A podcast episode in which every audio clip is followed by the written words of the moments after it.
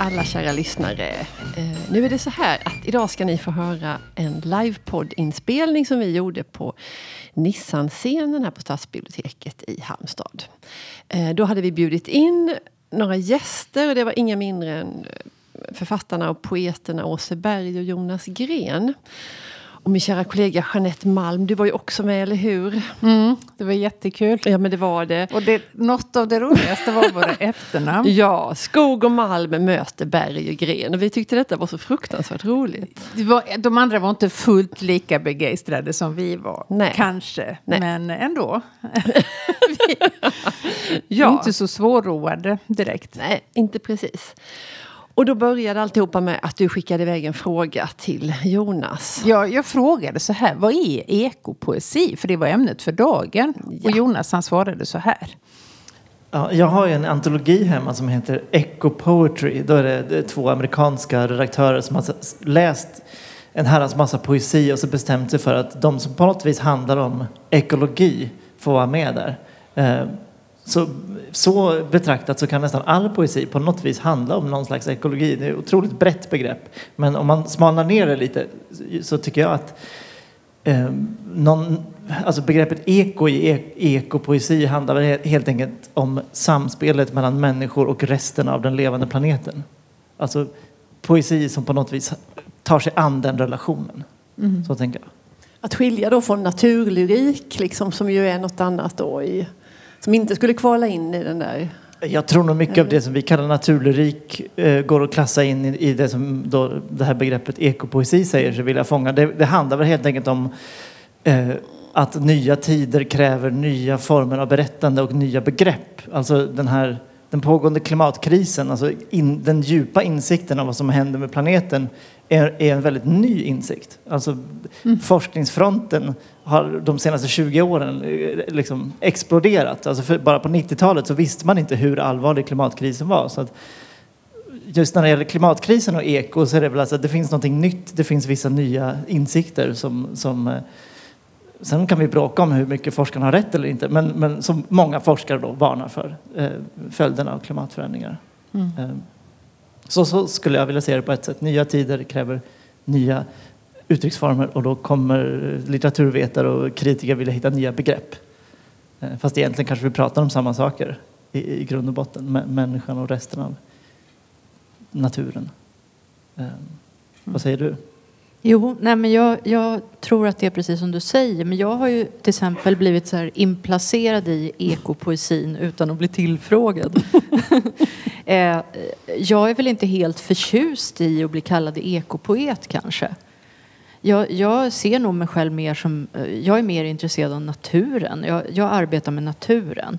Och jag tycker att det finns en skillnad där. Därför att eh, i ordet eko så ligger det också någon form av Alltså ekologin är ändå någon sorts helhetssyn, nästan ibland lite religiös. Att man uppfattar naturen som på, så himla god och vi måste ta hand om den. Det är lite synd om naturen.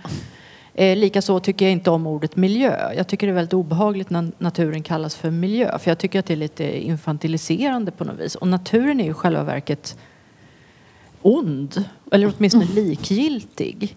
Och jag är mer intresserad av den här likgiltiga naturen när jag skriver än av den naturen som, där allting hänger ihop och det blir sådär moder jord-härligt. Eh, inte för att jag mm, vill att, vill att världen ska gå under på något sätt. Jag tycker bara att det är ett lite infantiliserande begrepp. Men själva grundproblemet är att ordet betyder två saker, minst. Det betyder säkert hundratals saker. Men ekologi är ju å ena sidan liksom en, en, ett vetenskapligt begrepp som växte fram för att beskriva arters samverkan med resten av miljön de lever i. Eh, Medan ek, alltså ekologi som är kravmärkt och ekovaror och så här, eko, allting ska vara ekomärkt. Det är ju liksom en, en ideologisk produkt som som ibland kan vara god men ibland också döljer mycket av verkligheten. Så att, och, och jag vänder mig emot att använda ekopoesi som det ofta görs för då blir det nästan som en slags kravmärkning. Att här kan jag sätta mig ner i soffan en fredagkväll med en god kopp ek- ekologiskt te, läsa lite ekopoesi och känna att jag har något gott i världen. Och, och där blir det liksom helt befängt eftersom mycket av ekopoesin som jag ser det då, eller den poesi överhuvudtaget handlar om kritiskt tänkande och att liksom montera ner begrepp och kanske bråka med läsaren och, och kanske göra världen mindre harmonisk. Så att då blir det liksom, då får det ju motsatt effekt.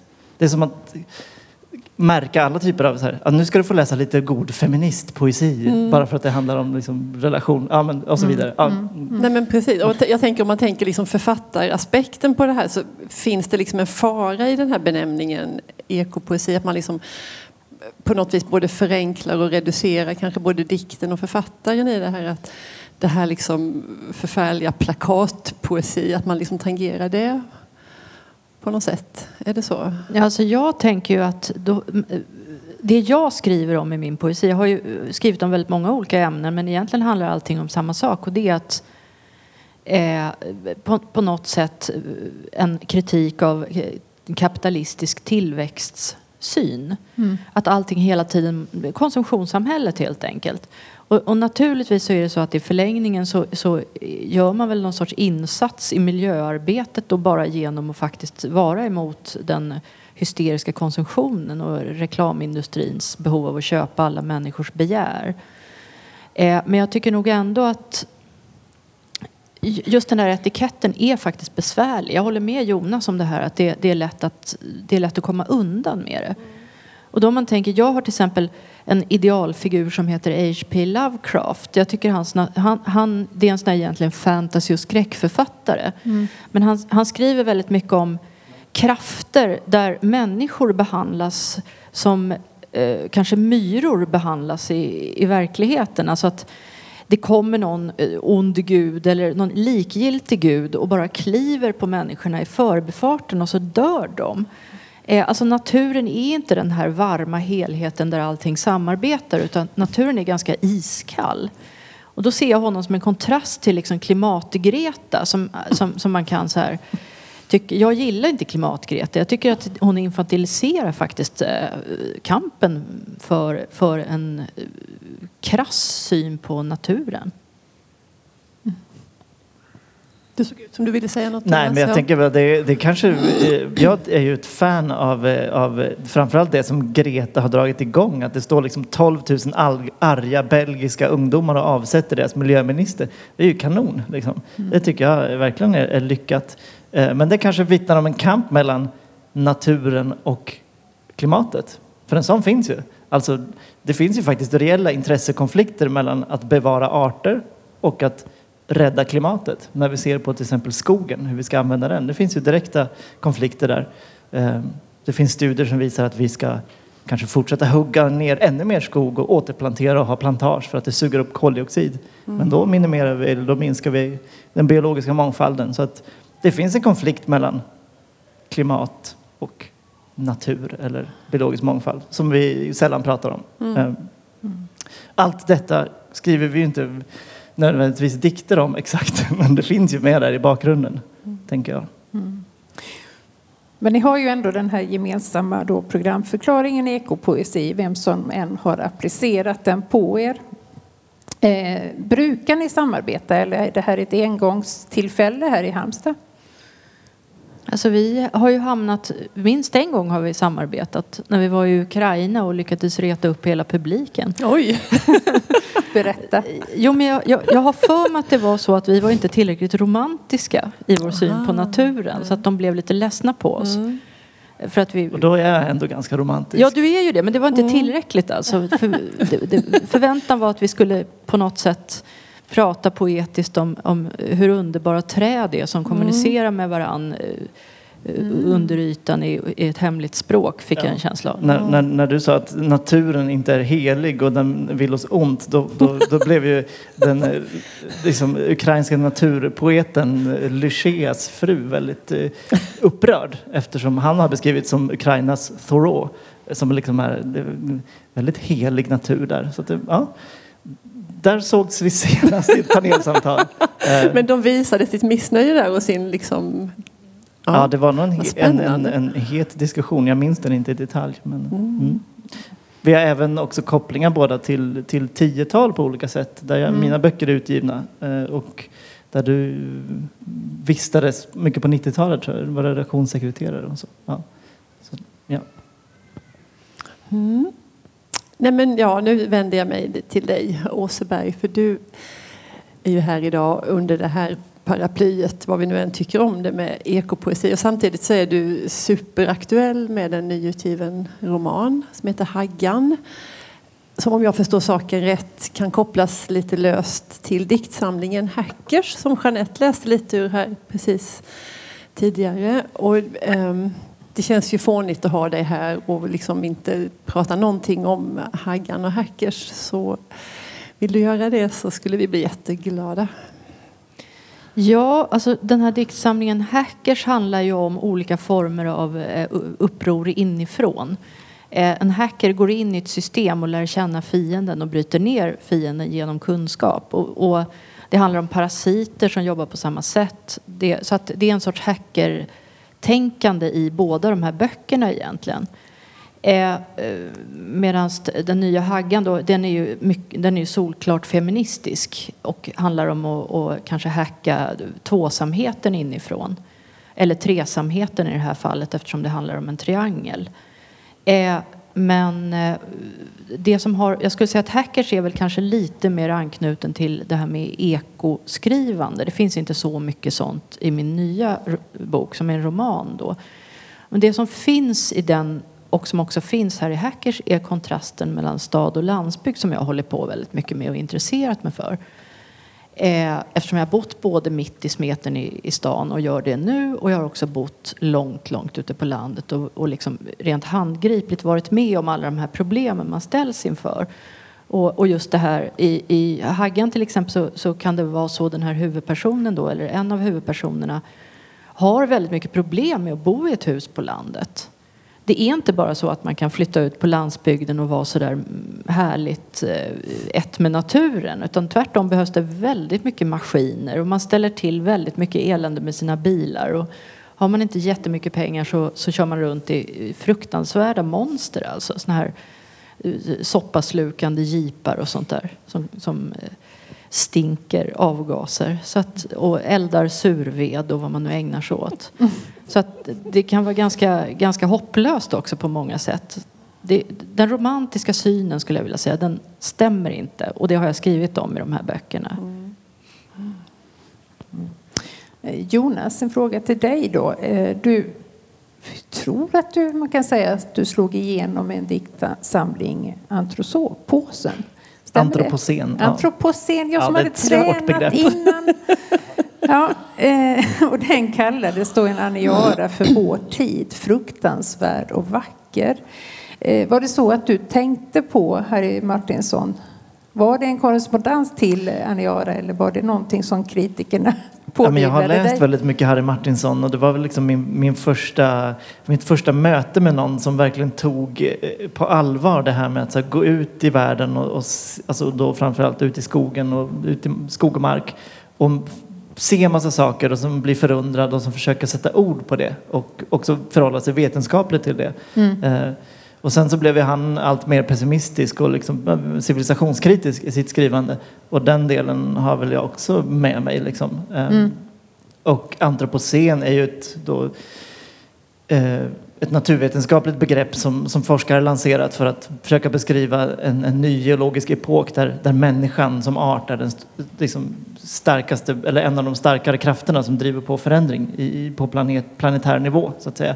Så det artperspektivet på, på, på världen liknar väl på något vis Aniara. Mm. Fast den lämnade ju eh, jorden och, och, och, min bok befinner sig ganska mycket på liksom från dagmasknivå till flygplansnivå någonstans. Men längre än så mm. rör den sig inte bort.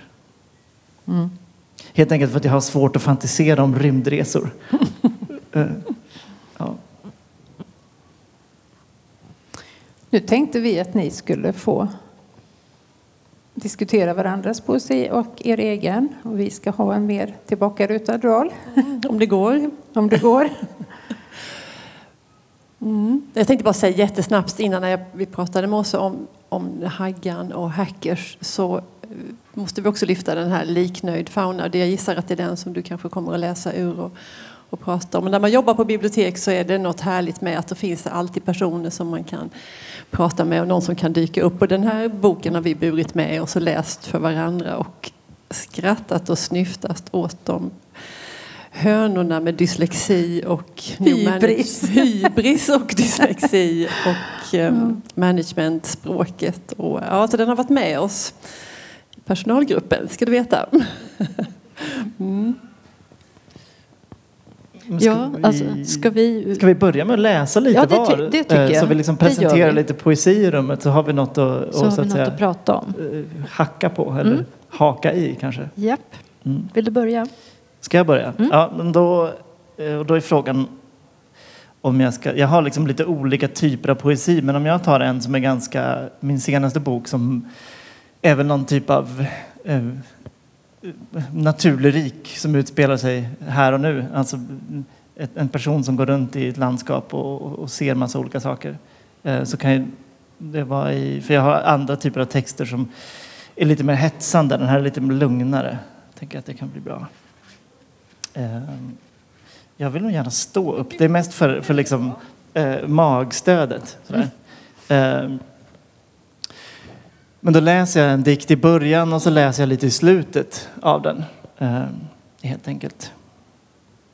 Eh. Och jag går i den frusna ängen ut. Materia som fått syn på materien medan ljuset slår upp från däldens vita ensamhet där solen ännu göms bakom hörkens östra slänt. Och jag ingår i världen som elden i veden. Och medan snödroppar och krokus hittar fram i smältfläckarna som ska vidgas i dagen. Jordens mörka från vilket ljuset inte flödar som från det vita medan vattnet pålar från västerslänt och österslänt genom trädgårdarna, under vägarna till dalbottnen där, där Hörksälvens vatten, bävervattnet, forsar. Pålar medvetande till mig. Och jag skriver Däldens plats i rymden. Dalgången här i jordens stora dalgång. Den enda plats vi känner för porlande och för sorgmantlars flykt över soten. Och medan solens lagrade eld i veden sprakar vrider sig himlakroppen österut så att solen lyser över snödroppar och snö. Och kristallernas blänk i den vita ytan påminner om natthimlen igår. Stunder då grundämnenas flöden från slumrande materia till dälden glimrar. Då det är svårt att minnas hur allt en dag ska sakna betydelse. Men ännu finns de. De framsmälta myrstackarnas hålor där någon bott under vintern. Märkena i snön, fotspåren, skoterspåren, klövspåren. Vi spårar och följer varandra så byggs en bygd där människorna, precis som månen, förtrollas att tro att det är vi som lyser upp ensligheten. Det är inte delden som lyser. Det är inte jag som utgör energin, men något till låns. Där jag kan tänka, jag ska spränga solen, men solen sprängs inte. Jag kan tänka, jag ska spränga haren och aptera den. Men haren är inte solen. Jag kan spränga solens förlängda former, djurkropparna, jordkulorna, bladknopparna. Men inte solen. Och så kan jag läsa på slutet ur diktsamlingen. Det här dälden är alltså ett ålderdomligt begrepp för en liten dalgång som jag har återvunnit från romantisk 1800-talspoesi och eh, fört in i vår tid. Varför brinner den? Varför brinner den nu?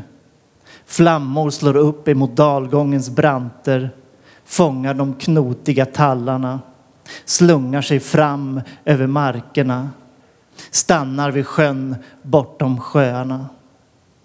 Ur dalbottnens glödheta hålor skjuter de upp brandnävorna där de blommar.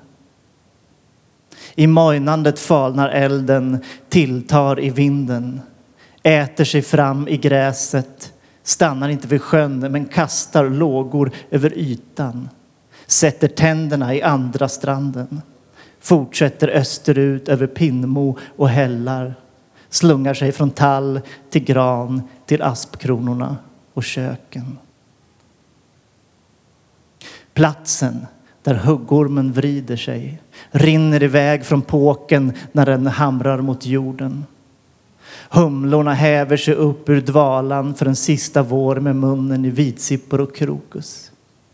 Det är här andetaget sker, en mjuk vokal i utrymmet mellan hand och himmel till de mellanliggande andetagen och det sista.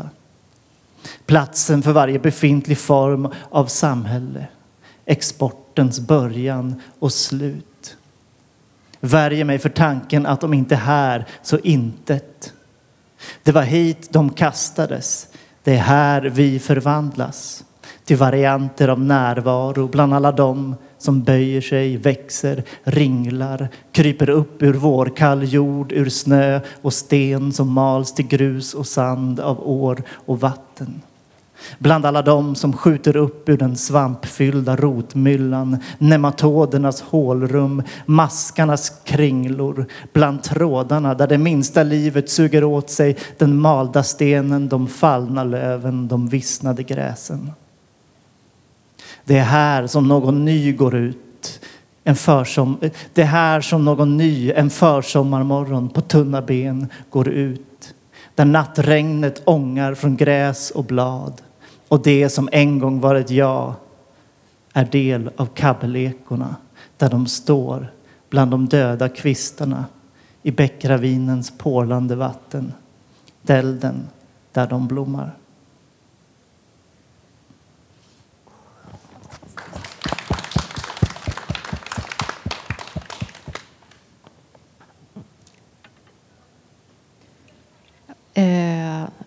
Då ska väl jag läsa, jag tror jag läser lite ur båda de här diktsamlingarna. Men jag börjar med den som heter Liknöjd fauna.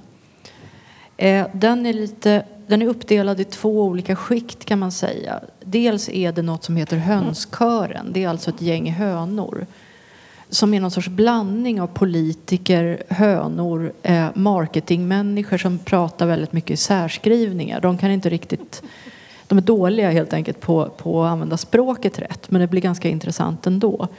Eh, de är ganska roliga och konstiga och har en ganska komplex funktion i den här boken.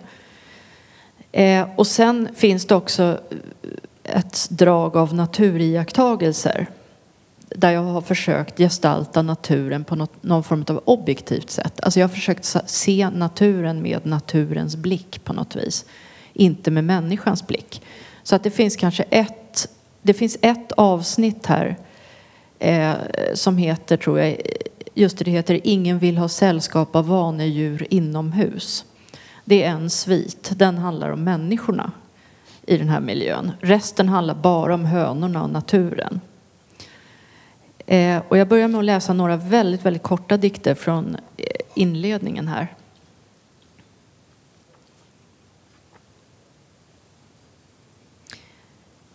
Inledningen är en svit som heter Ingens känslor. Det finns en stjärna out there som heter Alla ingen vid oansvaret för ett infrakommunistiskt vegetariskt helkroppsspråk. Den stora objektiva ödsligheten surrar.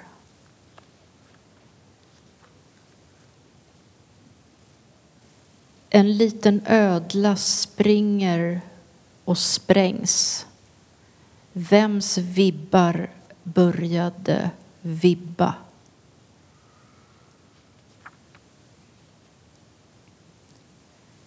Katta fågelryckning mellan ögonblickens fågelöga, fågelsmak.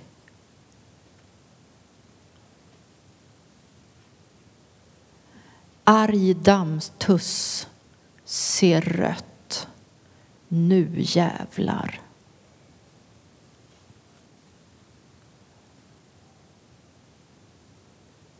Rörelsen rasslar på spatt spattande ben mot ajvallarens stötande blicktryck.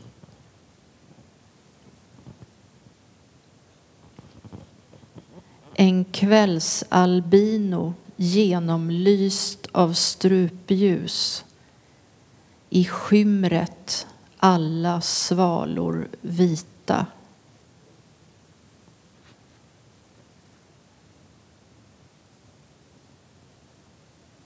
Krävande skator, gråskalor när ljus böjs blankt av ströregn.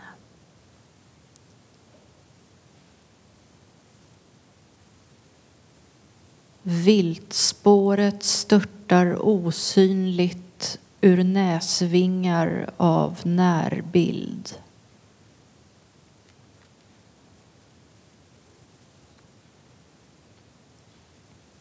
Rådjurets bakben avklippta.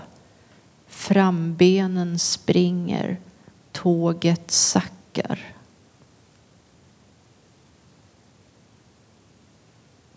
Lågtrycken ligger och laddar.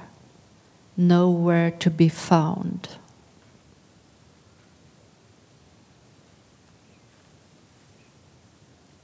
Eh, och sen ett par dikter ur en svit som heter Ingen förstår varandra.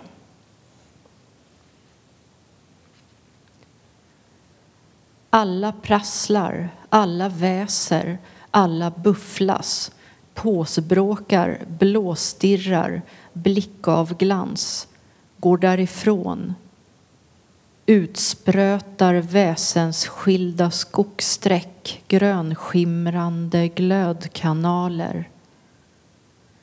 Under ljuskupolen av samma motgärna oformligt avmätt och inomhatisk Ingen är död nu igen.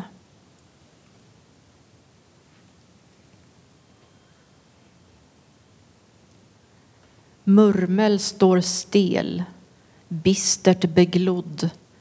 En kryppla schattlar kvillersnabbt förbi. Ett smyge mellan spetarna, ett slimme mellan bräcken Ingen skräck finns i den upptagna stävjan. Inte alla ting har ett psyke.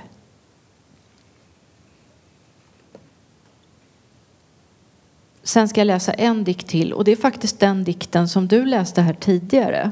Jag tänkte läsa den en gång till av det enkla skälet att en gång i tiden så hade jag en kompis som hette Rut Hillarp, en poet och författare som envisades med att alltid läsa alla dikter två gånger. Därför att det är svårt att ta in dikter på första försöket. Så jag fick faktiskt den idén nu när, jag läst, när du läste den. Dessutom så handlar den om någonting intressant. Eh, den har jag skrivit när E4 mellan eh, Enånger och Hudiksvall byggdes. En ny E4 och innan trafiken släpptes på så vistades jag väldigt mycket där och det var väldigt fascinerande med en alldeles tom motorväg mitt ute i skogen. Så jag ska läsa den en gång till och avsluta med det och den finns i den här boken som heter Hackers. Nya E4 mellan Enånger och Hudiksvall innan trafiken släpps på en kall planetplattform Futurum genom skogen. Trafikreglerna gäller inte än och höger blåser in från vänster. Ännu plana yta, dimensionerna har inte väckts kommer senare att rullas ut när fortfarande fordon drar upp fartvindens försvinnarbanor av jetstrålad hastighet. Åkdonen ilande av ansiktslösa spöken. Tungt mörklagda vehiklar formar svarta smitvägar av asfalt in mot jordens hjärta. Vågor av osynligt hopp, en forsande flod av snabbhet. Långt fjärran, utanför det endorfina rummet, motormännens bröl. Fyrhjuling absorberar kosmisk vidsträckthet. En glänsande rymdslända kastar förbirusande skuggbilder längs hårt uppsugande underlag.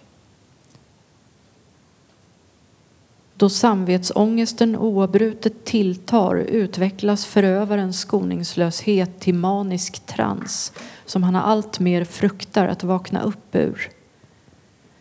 Istället kommer småningom metalltrötthet slå ut kan materialens sömn göras mänsklig. Friktion mot svalnande förlopp av långsam lavasten. En häst som går och betar in till motorvägen. Högupplöst växtsaft i varma tarmar. Uppblåst svävande längs vandringsvägarna av födosök. Slukande världens vila.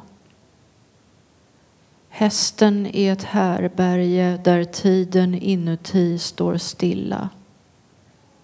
Himlen rödnar framöver i susande lugn.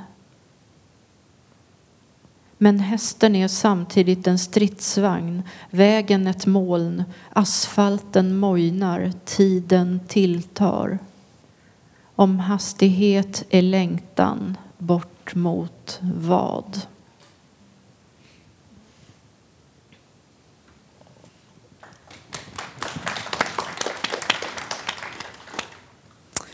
Jag kommer att tänka på en sak här när ni läste och det handlar om poesi i stort. Jag hörde en eh, kulturundersökning tror jag man hade gjort bland svenska folket hur det fördelades, liksom hur man tog del av olika kulturutbud och poesin gick inte ens att mäta i procent utan där pratade man om promille av liksom varje enskild människas totala kulturkonsumtion. Eh, jag förstår faktiskt inte varför. För att dels finns det ju så väldigt mycket bra poesi och den är så diskussionsvänlig och den kan handla om precis vad som helst. Det var ingen fråga egentligen, mer än reflektion. Och ni är väl ändå ett av de få poeterna i Sverige som faktiskt når ut ganska mycket och får mycket uppmärksamhet med era diktsamlingar. Ja, det, finns ju, ja, det finns ju ett gäng ändå. Eh, det gör det ju. Men det, poesi handlar väl mycket om att sakta in och göra sig öppen mot världen. Och det är väl inget som eh, den liksom turbokapitalistiska samtiden är. Liksom, det är inte dess expertområde. Liksom. Eh, eftertanke, komplexitet, bejaka världens osammanhängande gytter. Liksom. Det, ja, där tycker jag ju då att det finns någonting, liksom, en motståndshandling i poesin på ett sätt. Men det är ju ingen kraftfull motståndshandling, men den finns där. Mm, det är, men det är ju det att det är en långsam, eh, lite lurpassande motståndshandling skulle jag säga. Eh, och sen så, eh, sen är det ju det att det, det, är ju ingen som har kommit på ett sätt att så att säga utvinna ekonomi ur poesi. Men de krafterna som går in i poesi de används nu till exempel till sån här mindfulness på jobbet och sånt där. Eller att man bjuder in någon, någon guru som har föreläsningar och sånt. Det vill säga det, det finns ett ekonomiskt system där poesin faktiskt inte får plats. Men jag tycker inte det finns någon anledning att, att känna sig liksom, eh, som någon sorts eh, offer över detta faktum som poet. Utan Tvärtom tycker jag kan se en stor självständighet i att få hålla på med någonting som ingen bryr sig om och alla skiter i. Ja, jag håller fullständigt med faktiskt. Jag tänkte på en sak när du, när du läste dina dikter. Den här liksom, naturen som likgiltig, det är väl på något vis en grundläggande ackord i det du har skrivit. Och vi har varit i olika samtal om ekologi där du har pratat om det. Och, och jag håller ju delvis med i alla fall. Men sen tycker jag att det finns liksom starka känslor som väcks inom en som människa ibland i naturen. Så jag har så svårt för den här likgiltigheten för den, jag känner den inte, men naturen känner den för mig. Eh, men att det är som att du mot den likgiltigheten ställer ett, liksom ett väldigt vackert språk. Alltså det finns väldigt mycket så här, alltså det finns ju någon, det är allitterationer och det är liksom språket som någon typ av skönhet mot den där, i kontrast till den där likgiltigheten. Alltså du, du hade ju kunnat skrivit en ännu fulare poesi om likgiltigheten, men det har du valt att inte göra. Det var bara något som slog mig nu. Har du tänkt kring den kontrastverkan någonting själv? Nej, det har jag faktiskt inte tänkt kring. Men det är ju det att det finns ju en musikalitet i poesin och det finns ju naturligtvis en musikalitet i naturen också. Eh, det handlar ju om rymd och rum och, och, ljud och eh, bilder som man ser. Alltså jag är inte en sån människa som går omkring i naturen och kan allting. Eh, det finns, de är, ju, är det ju också gott om. De som faktiskt vet vad varenda, varenda buske är för något och sådär. Jag har en mycket mer rumslig uppfattning om naturen. Jag, jag ser den mer som någon sorts arkitektur eller koreografi. Hur saker är uppställda. Det, det blir någon, bildar någon sorts mönster. Så att det är klart att jag personligen som människa kan se en skönhet i naturen. Men samtidigt kan jag, tycker jag att det är väldigt befriande med den här likgiltigheten av det skälet att det är nästan det enda stället där man slipper narcissismen. Man slipper liksom bli sedd. Man går ut i naturen och ingen tittar på en. Eh, hela, hela samhället går ut på att man ska bli tittad på på olika sätt och hålla på och tjata sig till olika, eh, olika gilla-funktioner. Att man liksom ska bedja, bedja och vädja om att människor hela tiden ska trycka på gilla-knappar. Det kan ju mycket väl stå ett rådjur där ute och titta på dig men du kan vara helt säker på att den inte bryr sig om hur du är klädd eller, vad, eh, eller vem du är. Så att säga. Ja. Men hur tänker du kring de frågorna när du skriver Jonas? Alltså, eh, jag tänkte på det när jag läste. Jag tycker väldigt, väldigt mycket om den här diktsamlingen Delden. Eh, men då hade jag en fundering över hur din intention ser ut. För de här dikterna är ju otroligt vackra och de visar på någon sorts sammanhang och också någon sorts sorg och en, ett tidsperspektiv som jag menar, det, det, finns någon sorts minne av historien i, i, i de här texterna. Men hur uttalat är ditt politiska, ekologiska engagemang i det här egentligen? Alltså det roliga med hur den har tagits emot är att i, i och med att jag redan, liksom, det jag har skrivit är inplacerat i någon typ av fack så hade det räckt med att jag egentligen hade så här jag skojade med min fru en dag om det. Så jag hade kunnat ge ut en diktsamling med ett enda ord där det stod fis. Och så hade de sagt, åh vilken kommentar till metanproduktionen från korna och klimathotet. Alltså det kändes som att jag kunde skriva exakt vad som helst och att det skulle placeras in i, i liksom, ekokrisen och så vidare. Så, så du har helt rätt i det. Liksom, det, finns, det, finns ju, det finns ju Å andra sidan är det ett väldigt starkt tema med en eld som liksom tilltar i den här boken. Och jag skrev den för två år sedan och satt och redigerade den i somras när liksom Ängra och Kårböle och den ena den andra platsen blev liksom förknippad med enorma skogsbränder. Så att, å andra sidan var jag inte förvånad. Alltså det var, jag tycker att eldspåret i den här boken är så himla mycket en värld satt i brand. Eh, men, men hade det inte varit eldspåret utan bara liksom naturdikter då hade jag kanske blivit lite förundrad om, om alltså att folk hade läst in den i ett sånt politiskt sammanhang.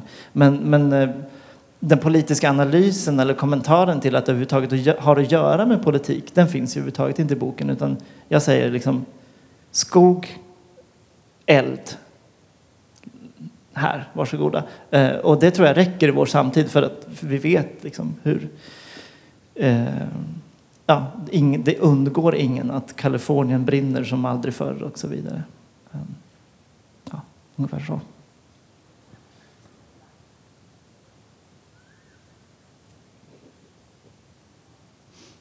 Ja, det går ju att eh, prata vidare på det spåret hur länge som helst kring en värld som brinner. Men det, det är också lätt att glömma själva poesin tycker jag. I, alltså att poesins verkningsmedel är ju ändå språk. Eh, och det gör ju att alltså, det kan ju aldrig bli mer än, och bör inte heller vara mer än just poesi, tänker jag. Alltså de här storslagna visionerna hur vi ska lösa klimatkrisen, eller som man gärna lätt kommer in på i samtal, i sådana här samtal. Ja, förutom att bli mer ödmjuka och sluta konsumera sönder jorden. Men, men liksom att poesin ändå är en plats i sig själv. Där, eller som jag ser det, där liksom språket är ändå huvudpersonen. Eh, det tycker jag eh, lätt glider iväg från eh, diskussionen. Alltså, att, såklart finns det teman men, men, men språket i sig och hålla på mm, vad som, alltså vad som händer hos en skrivande person när man lägger massa ord in till varann. Det tycker jag är, är liksom tillräckligt intressant för att hålla på med poesi. Ja. ja, och sen det här med språket, alltså det är så otroligt viktigt att, att lägga beslag på språket. Därför att det, det, finns så många andra krafter som manipulerar språket åt väldigt märkliga håll. Eh, I politik och i, för att inte tala om reklamindustrin. Det är väldigt intressant att jämföra copywriting med poesiskrivande till exempel. Alltså skrivandet av reklamtexter i förhållande till hur man skriver poesi. För det är inte helt olikt. Det är bara det att när man skriver copy så siktar man på en mottagare. Den där ska jag manipulera. Och så kokar man ner allting så att man har liksom en pistolkula rakt in i den människans begär. Och det är det enda som är intressant för att man ska sälja på den någonting. Medan när man skriver poesi då är man mycket mer intresserad av att avtäcka lögner, skulle jag säga. Jag är det i alla fall. Jag vill, jag vill, ofta hittar jag på såna ord som har väldigt många innebörder samtidigt. Just för att visa att orden är så otroligt viktiga att man använder dem på rätt sätt, att man inte använder dem för att ljuga. Så på så sätt tycker jag också att språket är en politisk kraft, att man måste alltid vara observant. Bara en så enkel grej, man måste vara observant om en politiker säger ordet vi. Då måste man fundera över vilka är vi? Jag blev nästan sugen på att läsa en kort dikt där jag har, liksom, jag har korsläst Moderaterna och Socialdemokraternas partiprogram. Eh, apropå det, där de pratar om ordning och reda och så vidare. Eh, jag kan läsa den sista dikten i den boken. Eh, bara hur det, det här är liksom deras visioner nedkokade till en dikt. Eh, när jag blir stor ska jag inte upprepa mig. Jag ska vara ny, jag ska ha frisyrer, jag ska göra intryck, jag ska sänka skatter. Jag ska, jag ska inte vara en grå gammal demokrat, jag ska ha färg. Jag ska avreglera, jag ska ha kraft, jag ska vara på marknaden. Jag ska ha ett kärnkraftverk på ryggen, jag ska äta uran, jag ska flyga, jag ska bygga vattenkraft, jag ska köpa vildlax. Jag ska lägga ner lanthandlar, jag ska sänka bensinskatten på landet, jag ska öppna gruvor, jag ska öppna apotek, jag ska stänga apotek, jag ska bygga arenor, jag ska exportera, jag ska lägga ner posten, jag ska importera billig mat. Är den bra? Ska den vara dyr? Jag ska bygga motorväg, jag ska bygga serverhall, jag ska decentralisera. Jag ska åka ut och sprida centrum. Jag ska sprida idrottscentrum, jag ska sprida turistcentrum, jag ska sprida köpcentrum. Överallt ska jag vara i centrum. Ja. Så går den. Ja, underbart. Vilken fröjd. Och jag tänkte jättemycket på det du säger med att inte låta andra ta hand om språket och göra det till sitt och sno det ifrån oss på något sätt. Att, och det poeter eller ej så är det ju någonting som vi alla kan ägna oss åt och förmedla och liksom se till så att inte det blir taget ifrån oss. Jag tänkte ju såklart på, som jag alltid gör, på Wisława Szymborska. Hellre det löjliga att skriva dikter än det löjliga att inte skriva några dikter. Mm. Ja, eh, ska vi börja avrunda lite och vill ni läsa något mer som slutkläm så vill ja, vi, vi, det vill vi jättegärna att vi gör. Ja. Vi kan väl hålla fast vid den idén? Ja, det gör vi. Vi skulle läsa varsin, varsin slutdikt här som avrundar alltihop. Jag ska se vad jag har gjort av min. Eh, en dikt som kanske möjligen handlar om skogen på natten. Griplastaren arbetar nattetid med spröt migräna ljusklot, ögonkäglor käkar. Från bottnarna av kreaturen rosslar ljudlöst gny. Det låga tugget mellan tanketräd av nattångande klossdjur. I underhugget växer mossa. Under ett ögonblick tittar något annat på mig genom katten. Och jag ska läsa slutdikten i, i, min första bok som heter Lantmäteriet som handlar om en lantmätare som har börjat irra kring i skogarna. Varelser skriver i snöns uppslag, kors och tvärs, fotskrift. Inte okomplicerad. Vad är poängen med att tolka hjortars avtryck tvärs över den oplogade vägen? Distinkta rester av harhopp längs stigen som rätt vad det är lämnar stigen. Ser bakom mig min skrift. Den ser så enkelspårig ut. Jag vill också vara godtycklig, hoppa runt, efterlämna komplicerade bildspråk.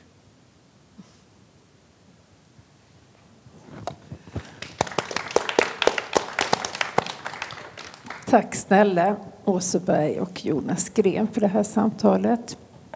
Vi ska lämna lite utrymme till er att ställa frågor om ni vill det. Men själva poddinspelningen säger vi tack och hej. Mm. Tack. Tack. Ja, hej då. Hej.